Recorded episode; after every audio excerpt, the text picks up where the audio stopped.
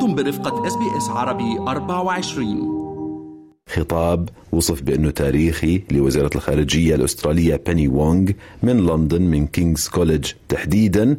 حكت فيه أنه الروابط بين أستراليا وبريطانيا عميقة وأنه كثير أستراليين ظلوا يعتبروا حالهم أصلا يعني بريطانيين حتى بعد نشوء الاتحاد الفيدرالي. ولكن كان في نقطة مثيرة للجدل عن شو حكت يا ترى بيني وونغ. بالفعل فارس طلبت بيني وونغ من المملكة المتحدة على مواجهة ماضيها الاستعماري بالمحيطين الهندي والهادئ حيث تسعى بريطانيا لاستعادة وجودها بالمنطقة. آه، ف الوزيرة وونغ اضطرت للدفاع عن علاقة أستراليا بالمملكة المتحدة بعد سيل من صحيح. الأسئلة بالمؤتمر الصحافي كمان بعد الخطاب. سألوها يعني في صحفيين حكوا لها إنه بريطانيا وأستراليا colonial powers حكت لا عندهم colonial history عندهم ماضي استعماري وإنه أستراليا تغيرت وبلد متعدد الثقافات والتصالح مع الماضي ضروري للمضي قدما البعض يعني قرأ في تصريحات بيني وونغ إنها أقرب ل activism أو يعني مش بالضرورة تمثل الموقف الرسمي لأستراليا ولماذا الآن؟ يعني لماذا الحديث عن الماضي الاستعماري من لندن؟ آه، هل كان في خطوات على الأرض يعني للتصالح مع الماضي الاستعماري لأستراليا مع السكان الأصليين؟ يعني من هون يمكن جاءت معظم الانتقادات. شو رأيك نرحب معا بضيفنا من لندن الصحافي والكاتب أحمد زكي. يا هلا أحمد صباح الخير من أستراليا ومساء الخير عندك. أهلا وسهلا مساء الفل. صباح, صباح الخير. الخير طبعا آه، لأستراليا. حابين نعرف بداية يعني حكينا أنا وكريستال كيف تناولت الصحافة الأسترالية تصريحات بيني وونغ اللي جاءت مفاجئة للبعض. ماذا عن الصحافة البريطانية؟ يعني هل تنبهت لهذه التصريحات أو كان لها أي نوع من أنواع الصدى لديكم؟ لا كان من اللافت إن الصحافة البريطانية ما تعاملتش مع هذه التصريحات بجدية. حتى ما كانش في أي موقف رسمي بريطاني تجاه هذا الموضوع خالص. ما فيش تغطيات إعلامية آه، إلى هذا إلى هذه التصريحات. ببساطة شديدة جدا تم التعامل مع هذه التصريحات باعتبارها آراء شخصية آه، لسيدة ربما تشغل فعلا منصب وزيرة الخارجية الأسترالية ولكنها تتحدث في جامعة. وهي طبعا جامعة عريقة King's College وكان بتتكلم في King's College عن آراء ربما تبدو أقرب إلى ممكن يقولها مثلا آه، باحث آه، في مسألة آه، ال post colonial studies دراسات ما بعد الاستعمار أو مثلا ممكن يقولها ناشط سياسي. هذه التصريحات فعلا كانت غريبة. لأنها جاية من وزيره خارجية دوله هي نفسها هذه الدولة. لديها ماضي مربك وإشكالي كبير في التعامل مع السكان الأصليين. لكن مش بس كده كمان. هي بتطالب بريطانيا بالاعتذار عن ماضيها الاستعماري. وده كلام طبعا آه يعني مفهوم وكلام منطقي. ولكن غريب إنه يطلع من وزيرة خارجية دولة شاركت في حرب آه زي حرب فيتنام مع الولايات المتحدة أو شاركت في حرب 2003 في غزو العراق مع أيضا الولايات المتحدة. وبالتالي هي النهارده آه، بتطالب بالاعتذار عن أو بمواجهة الماضي الاستعماري البريطاني وفق أي آه، تصور هي لم توضح هذا لم تتحدث عنه على الإطلاق. وأيضا هي بتأتي في لحظة العلاقات البريطانية الأسترالية في في حتة تانية خالص. إحنا بنتكلم على تحالف عسكري آه لمواجهة آه تزايد وتعاظم نفوذ الصين. هي لم تتحدث عن الحاضر الاستعماري أو الحاضر الكولونيالي للصين في أفريقيا. هي لم تتحدث عن هذا. هي تحدثت عن بريطانيا التي بالطبع لديها ماضي استعماري آه يعني آه، إشكالي وكبير ويمكن انتقاده وانتقاد أوجه كثيرة. ربما الماضي الاستعماري البريطاني أقل وطأة من الماضي الاستعماري الفرنسي اللي كان أكثر عنفا أو مثلا من تجربة الاستعمار البلجيكية في الكونغو اللي هي كانت وحشية ودموية لدرجة إن سكان الكونغو لما تم آه، إحصاء عددهم في نهاية آه، وجود بلجيكا اكتشفوا إنه هم قلوا النصف يعني نصف سكان الكونغو ماتوا خلال عدد السنوات اللي كانت بلجيكا موجودة فيها في الكونغو وبالتالي هي بتتكلم آه، بدون أي تصورات واضحة عن إيه اللي ممكن تعمله بريطانيا لمواجهة ماضيها الاستعماري، بريطانيا مجتمع منفتح في جامعات وفي ناشطين وفي مؤسسات وفي إعلام بيتكلم دائما عن المناطق المظلمة في التاريخ البريطاني، بعكس مثلا أنت عندك إشكالية ضخمة في فرنسا حتى هذه اللحظة نعم. فيما يتعلق بماضيها الاستعماري في الجزائر. وحتى هذه اللحظة الجزائر بتطالب مطالبة واضحة بريطانيا بالاعتذار عن ماضيها الاستعماري.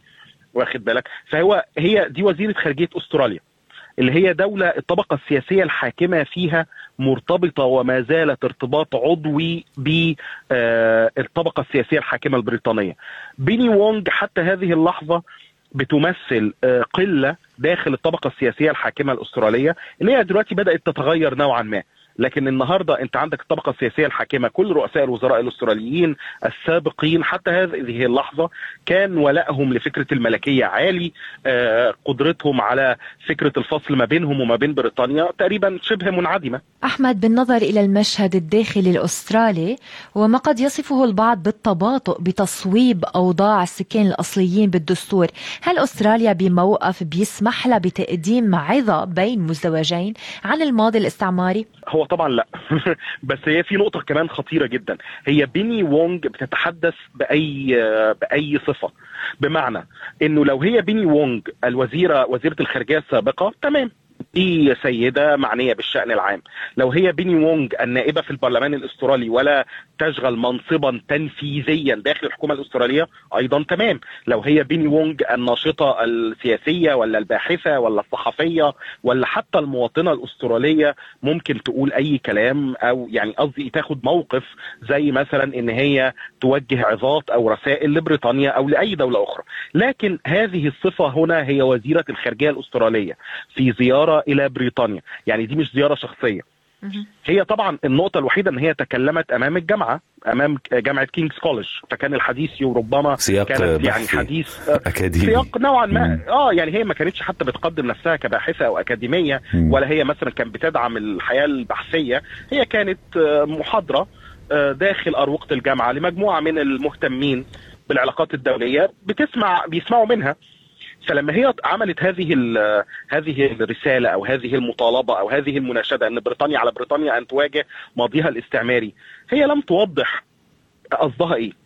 وبأي صفة هي تتحدث نعم يعني أحمد إذا بنطلع على منطقة الباسيفيك المحيطين الهندي والهادئ والجزر اللي أكيد الصين عم بتحاول آه، إنه تاخذها على صفها من خلال دعم عسكري ودعم لمشاريع البنية التحتية وغيرها جاء اتفاق AUKUS آه، وطبعا دعم أسترالي أمريكي بريطاني لهذه الجزر أيضا. إذا بناخذ مثال فانواتو مثلا بنعرف عندها آه، ماضي استعماري قاسي الحقيقة يعني بالقرن التاسع عشر آلاف حتى أرغموا على العمل بفيجي وحتى بأستراليا بنظام يشبه نظام السخرة.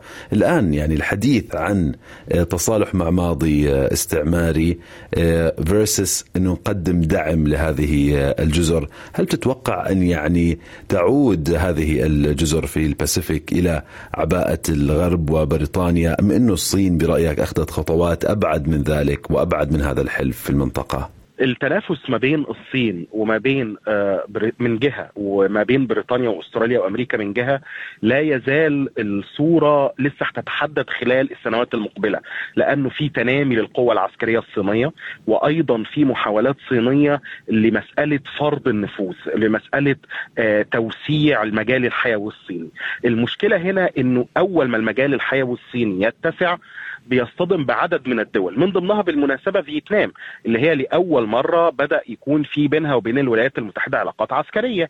النهارده أيضا النفوذ العسكري الصيني والمجال الحيوي الصيني بيصطدم بأستراليا وال- والمحاولات الصينية لمسألة تهديد فكرة الأمن الأسترالي آه، يعني مش مش جديدة وليست خافية بل بالعكس أستراليا أصبحت في الصين النهارده خصم وعدو مستقبلي. وبالتالي من هنا كان فكرة آه، صفقه الغواصات من من من هنا كانت فكرة التحالف اوكس مع مع بريطانيا والولايات المتحدة. وبالتالي إحنا هنا أمام مشهد لسه بيتشكل وده بيفسر ليه أمريكا بقالها سنوات بتعمل سياسة فك الارتباط مع منطقة الشرق الأوسط. لأنه النهارده أمريكا أصبحت غير معنية بمشاكل الشرق الأوسط وأصبحت أكثر معنية بنقل ثقلها العسكري والسياسي والاستراتيجي إلى منطقة الباسيفيك. لأنه أمريكا الآن ترى الصين تهديد كبير ومحتمل ومستقبلي. لهذا أمريكا تريد تعاون مع بريطانيا تعاون مع أستراليا أيضا تريد أن يكون الأوضاع والتحالف آه، الموجود ما بين حكومات هذه الدول آه، مستقر. من هنا مثلا فكرة ال Five Eyes اللي هو أكبر وأهم تحالف استخباراتي على وجه الأرض ما بين نيوزيلندا وأستراليا وكندا وأمريكا وبريطانيا وفي القلب من هذا التحالف الاستخباراتي بريطانيا. تصريحات بيني وونج تبدو غريبة جدا ربما لو كانت طلعت من وزير الخارجية الصيني اللي كانت بريطانيا خاضت حرب الأفيون في الصين مثلا ربما كانت تبقى منطقية. ستبدو أكثر منطقية. طب آه، أحمد يعني نتحدث عن نفوذ آه، تسعى الدول لإعادته أو استعادته في منطقة الباسيفيك. إذا بنطلع على أرقام آه، الدعم الخارجي يعني من ميزانية أستراليا شهدت انخفاض في السنوات الماضية بينما الصين ربما رفعت الميزانية المخصصة لدعم دعم دول الباسيفيك. لو نتحدث عن الأرقام وعن الواقع وعن الاقتصاد اذا نكون واقعيين. يعني بدك تدعم هاي الدول أنت بحاجة لميزانية دعم خارجي. هل بريطانيا اليوم في وضع اقتصادي يسمح لها بتقديم هكذا دعم؟ لا هو الوضع الاقتصادي البريطاني لا يسمح بتقديم الدعم ولكن البريطانيين بيلعبوا لعبة تانية مختلفة. آه، أستراليا لديها ربما الموارد المالية آه، لدعم وللتفكير في صفقات سلاح كبرى أو للتفكير في دعم بعض الدول في الباسيفيك آه، في مواجهة النفوذ الصيني. الولايات المتحدة أيضا لديها القدرة العسكرية ولديها الموارد المالية. بريطانيا هنا لديها القدرات الاستخباراتية ولديها أيضا القوة الناعمة من خلال بقى الإعلام من خلال الجامعات من خلال المنح من خلال السياسة من خلال العلاقات التجارية. وبالتالي بريطانيا هنا آه، بتلعب لعبة تانية مختلفة لأنه لا القوة العسكرية البريطانية ولا القدرات المالية والاقتصادية البريطانية حاليا تسمح لها بمسألة آه، التوسع بشكل كبير بحريا أو عسكريا في هذه المنطقة. ولكن لديها القدرات الفنية والتكنولوجية في مجال الغواصات النووية. مثلا لديها القدرة مثلا إن هي تنقل جزء من الترسانة النووية إلى أستراليا. طبعا دي هتبقى آه، آه، نقطة تحول ضخمة جدا لو حصلت إنه أستراليا يكون على أراضيها ترسانة نووية للردع فبالتالي إحنا بريطانيا بتلعب دور مختلف شوية في هذا التحالف. هذا التحالف في النهاية تحت مظلة شديدة الأهمية من العلاقات المتينة والعميقة القديمة ما بين الطبقة السياسية الحاكمة الأسترالية وما بين آه، الطبقة السياسية الحاكمة في أمريكا والطبقة السياسية الحاكمة في بريطانيا. وبالتالي إحنا بنتكلم على ثلاثة دول آه، خاضت معا حروب في الحرب العالمية الأولى وفي الحرب العالمية الثانية على مستوى بريطانيا وأستراليا أو على مستوى حرب فيتنام وحرب العراق آه، على مستوى أمريكا وأستراليا.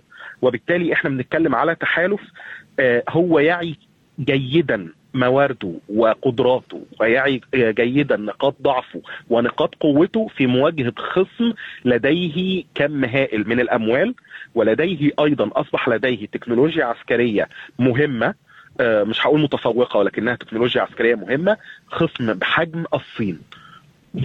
هل الصين من جهة والولايات المتحدة وبريطانيا وأستراليا من جهة أخرى لديهم تصور للوصول لمواجهة عسكرية مفتوحة مباشرة أنا بتخيل إنه لا. لأنه العلاقات الاقتصادية والتشابك الاقتصادي ما بين كل هذه الدول لا يزال عميق للغاية. وبالتالي في محاولات دايما لبسط النفوذ لتوسيع المجال الحيوي دون الوصول لمواجهة عسكرية مباشرة آه، وبشكل واضح ما بين هذه الأحلاف. مع تقدير حجم المخاطر ربما في المنطقة وأنه كما ذكرت أستراليا يعني ما يبدو أنها تنظر ما زالت تنظر إلى الصين كمصدر تهديد لأمنها الاستراتيجي ومن هنا جاء هذا الحلف. شكرا لك الصحافي والكاتب أحمد زكي على هيدي التعليقات القيمة. اضغطوا على اللايك أو على ال share أو اكتبوا تعليقا. تابعوا SBS عربي 24 على الفيسبوك.